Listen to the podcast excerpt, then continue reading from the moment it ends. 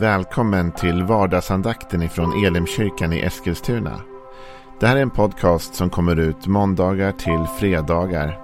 Om du vill veta mer om vilka vi är, vad vi tror på, hur du kan komma i kontakt med oss eller vad vi kan erbjuda dig för någonting så gå in på www.elimkyrkan.com. Får jättegärna gå in och likea vår Facebook-sida. Det är facebook.com elimeskilstuna. Eller så söker du upp oss på YouTube och då söker du på Elimkyrkan Eskilstuna. Vi vill jättegärna komma i kontakt med dig. Men nu lyssnar vi till dagens andakt. Välkommen till eh, vardagsandakten och till måndag morgon. En ny vecka. Det är bara på't igen som man säger. Ingen lugn och ro. Utan vi kör på, eller hur? En ny vecka, nya möjligheter, ny nåd från Gud. Och nya andakter tillsammans med oss här ifrån Elimkyrkan. Så, jag vill fortsätta med dig i Jesaja 54. Och jag har några intressanta tankar, tror jag, att dela med dig idag.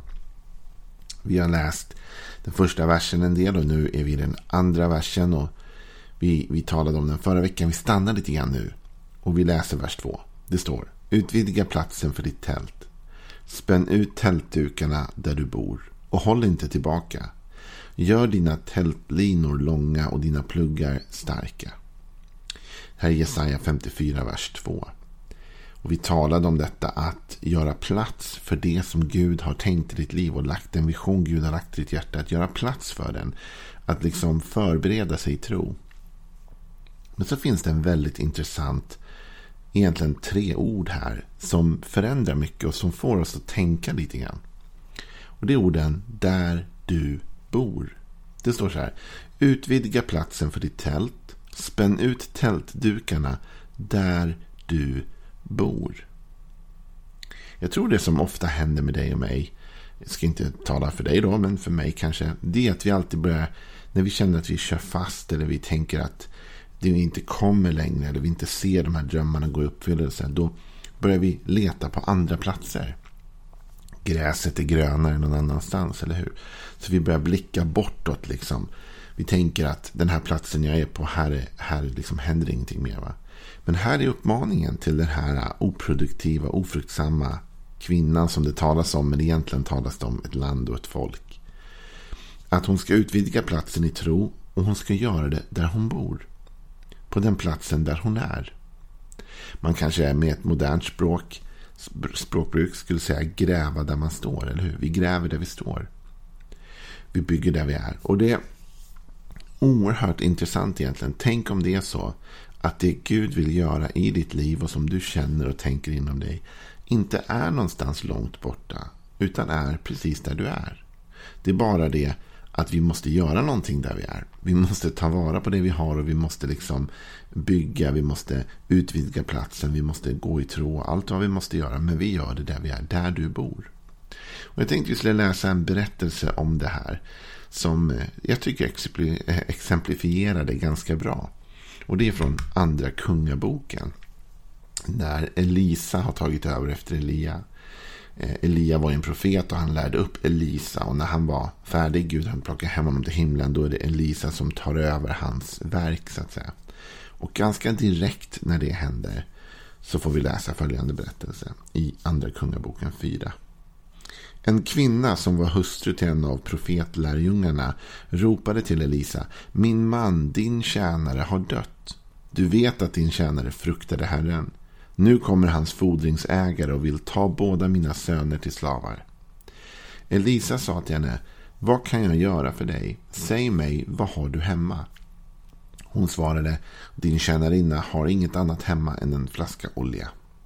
Då sa han, gå och låna kärl av dina grannar, tomma kärl men inte för få. Gå sedan in och stäng igen dörren om dig och dina söner och häll oljan i alla kärlen. När ett kärl är fullt så flyttar det. Då gick hon från honom. Sedan hon hade stängt igen dörren om sig och sina söner bar de fram kärlen till henne och hon hällde i av oljan. När kärlen var fulla sa hon till en av sina söner ge mig ett kärl till. Men han svarade henne det finns inget mer kärl. Och då stannade oljeflödet. Hon gick och berättade för gudsmannen och han sa gå och sälj oljan och betala av din skuld. Sen kan du och dina söner leva av det som blir över. Det är en ganska fantastisk berättelse egentligen och jag tror att den exemplifierar precis det som vi ser även i Jesaja. Det vill säga att jag tror att vi letar lösningar överallt annat än hemma. Vi tänker att något annat var. Kvinnan går till Elisa och säger nu är det så här, min man har dött och nu kommer de och kräver in skulder och jag, vi har inte råd att betala så de kommer ta mina söner och göra dem till slavar. Och Elisas svar eh, till henne är ju först vad han kan hjälpa henne med men sen säger han säg mig vad har du hemma? Så Elisa ber henne göra en inventering av vad hon faktiskt har. Och då svarar hon som jag tror jag ofta svarar, kanske du svarar ibland. Jag har ingenting. I princip är det det hon säger. Jag har inget, jag har bara lite olja. Liksom. Det är väl ingenting att hurra för eller göra någonting med. Och ofta ser vi ju på allt det vi har i vårt eget liv på det sättet. Som att det här är väl inget att göra något med. Det här var väl inte, liksom, jag behöver mycket mer för att lösa mina problem än det jag har. Och det kanske vi också faktiskt behöver. Den här kvinnan, den olja hon hade hemma räckte kanske egentligen inte i sig självt. Va? Men ändå var det det lilla hon hade som profeten ber henne använda. Och så ser vi en, en gudomlig, mirakulös multiplikation av den oljan. Så att det blev mer och mer och mer och det räckte till och det ledde till välsignelse. Och precis som i Jesaja 54 så uppmanar Elisa henne att inte tänka för smått. Utan dra ut tältdukarna. Han säger till henne, gå och låna kärl av dina grannar men inte för få. Du ska breda ut dig ordentligt här. Du ska tänka att den här oljan kommer räcka till många. Det är ju egentligen idioti det hon gör. Vad håller hon på med? Hon har en liten flaska olja och så går hon och hämtar kärl för att det ska bli mer. Vad håller hon på med? Hon har ett ord från en profet. Hon har ett ord från Gud. Hon har helt plötsligt en vision för någonting. Och allt detta sker precis där hon är. Med precis det hon hade. Och jag tänker att du och jag, vi måste våga se det. Att de, ibland när vi blir stressade, pressade, när vi känner att vi är ofruktsamma, oproduktiva, när vi känner att vi inte är på väg mot de drömmar, de visioner Gud har lagt i vårt hjärta, så är det lätt att vi börjar tänka att gräset är grönare och vi börjar blicka långt bort efter lösningar på andra platser. Eller åh, jag måste byta jobb eller jag måste flytta till en annan stad eller jag måste, vad det nu är jag måste göra. Men Guds lösning är ofta att ta någonting vi redan har och göra ett mirakel i det. Det är klart att det finns tider i Bibeln då Gud kallar oss till en förflyttning. Det finns så att säga gudomligt ledda förflyttningar. Absolut. Och Gud leder oss till en ny plats eller till ett nytt område eller till ett nytt jobb eller vad det kan vara. Gud kan leda oss till nya saker och han gör det ibland.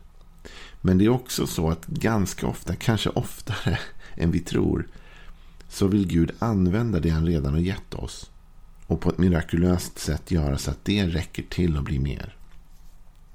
Vad har du hemma? I Jesaja 54 läste vi att vi skulle spänna ut tältdukarna där vi bor. Där vi bor. Så min lilla tanke till dig den här måndagen är att kanske att ditt mirakel inte är någon annanstans. Kanske du redan har det du behöver. Men du måste våga använda det. Och du måste fråga Gud, Gud, vad kan jag göra med det jag redan har fått? Vad kan jag göra med det jag har i mitt hem just nu? Gud, du vet att det inte är mycket. Så kan vi känna ibland. Gud, du vet att det inte är mycket. Men det lilla jag har, det ger jag till dig. Och jag ber Gud att du ska göra någonting med det lilla. Och det kan bli ett fantastiskt vittnesbörd. När vi ser det, att det blir någonting av det. liksom. Att vi kan utvidga platsen, spänna ut våra tältdukar och vi kan göra det där vi bor. Kanske är du en av dem som just nu har suttit och tänkt på stora strategiska förflyttningar i ditt liv. Och kanske behövs de. Kanske leder Gud dig in i en stor strategisk förflyttning. Men kanske gör han inte det. Kanske är det också så att han bara vill använda det du har på ett nytt sätt. Att det finns någonting hemma hos dig som antingen är oanvänt eller inte använt på det sätt som du har tänkt. Och i det här fallet så handlade det om att kvinnan hade olja hemma. Och det är en sak. Men det behöver ju inte vara saker. Det kan ju vara så att Gud har gett dig gåvor, funktioner, sånt som du bär på. Men som du inte använder dig av.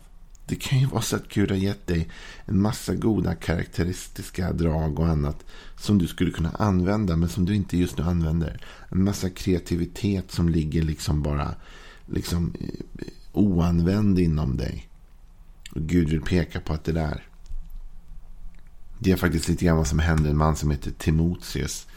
Paulus han skriver brev till Timoteus och när han skriver till Timoteus så vill han uppmuntra honom. Och vi kan läsa om det i andra Timoteusbrevet. Och eh, den första, det första kapitlet där. Och då står det så här i den sjätte versen. Vi kan läsa den femte versen faktiskt. Jag tänker på den uppriktiga tro som finns hos dig. Den tro som först fanns hos din mormor Louise och din mor Eunike. Och som nu, det är jag övertygad om, också finns hos dig. Därför påminner jag dig. Låt Guds nådegåva flamma upp igen. Den som finns i dig genom min handpåläggning. För Gud har inte gett oss modlöshetens ande utan kraftens, kärlekens och självbehärskningens ande. Det här är en fantastisk vers. Och jag vet inte vad Timoteus står i precis när Paulus skickar den här hälsningen. Jag, Paulus hade nog mycket mer insyn såklart i hur Timoteus liv var. Vi förstår ju här att, att eh, han känner till både Timoteus mor och mormor. Hans släkthistoria liksom. Men man kan ju nästan ana att när Gud säger att han inte har gett oss, när Paulus säger att Gud har inte gett oss modlöshetens ande. Så kan man ju ana att Timoteus kanske känner sig modlös här. Och att han kanske har tappat lite glöden. Och Paulus säger till honom, därför påminner jag dig, låt Guds nådegåva flamma upp igen. Den som finns i dig genom min handpåläggning. Så man får känslan av i det här brevet som Paulus skriver till Timoteus. Att Timoteus har gåvor som Gud har gett honom. Och som han har varit i funktion i. Men så kanske han har kommit in i en modlöshet av något slag. En kraftlöshet. För modlöshet leder till kraftlöshet. Och så har han kanske känt att han har tappat detta. Och vad säger, det, vad säger Paulus till honom då? Nu Timoteus, nu har du blivit lite modlös. Nu måste du flytta. Nu måste du göra något nytt. Nu måste du hitta nya vägar. Nu Timoteus måste du gå och hitta en ny gåva. Du måste få en ny handpåläggning. Du måste få nya, gå på en ny konferens, gå på nya möten. Vad han säger till Timoteus är. Du har det ju redan i dig Timoteus. Men du måste låta det flamma upp. Så med andra ord är det samma fråga som profeten ställer till den här kvinnan. Vad har du hemma? Vad har du i dig? Vad har du i ditt hem? Vad har du i dig själv? Vad är det Gud har gett till dig? Och även om det skulle vara otillräckligt i sig själv. Om du ger det lilla du har till Gud. Så kan han göra något mer av det. Kanske mest kända berättelsen förutom den här oljeberättelsen om det. Som vi läser om i Bibeln. Det är ju den här lilla pojken som kommer med några få fiskar och några få bröd till Jesus. När det är tusentals människor att mätta. Och man tänker det där lilla räcker inte till någonting. Men Gud tar det lilla. Jesus tar det som är typ ingenting. Och välsignar det. Och så räcker det till för att mätta tusentals människor. Vi ser så ofta ner på det vi har i vårt eget liv. Vi tänker att det inte räcker till, att det inte duger. Men du vet, det du har i ditt liv kanske är precis nog för att Guds mirakel ska ske och förändringen som du längtar efter ska bli. Kanske har du redan hemma det du behöver. Kanske är det så att på din plats finns redan utvidgningsmöjligheterna i Jesaja för att knyta igen detta och knyta ihop det.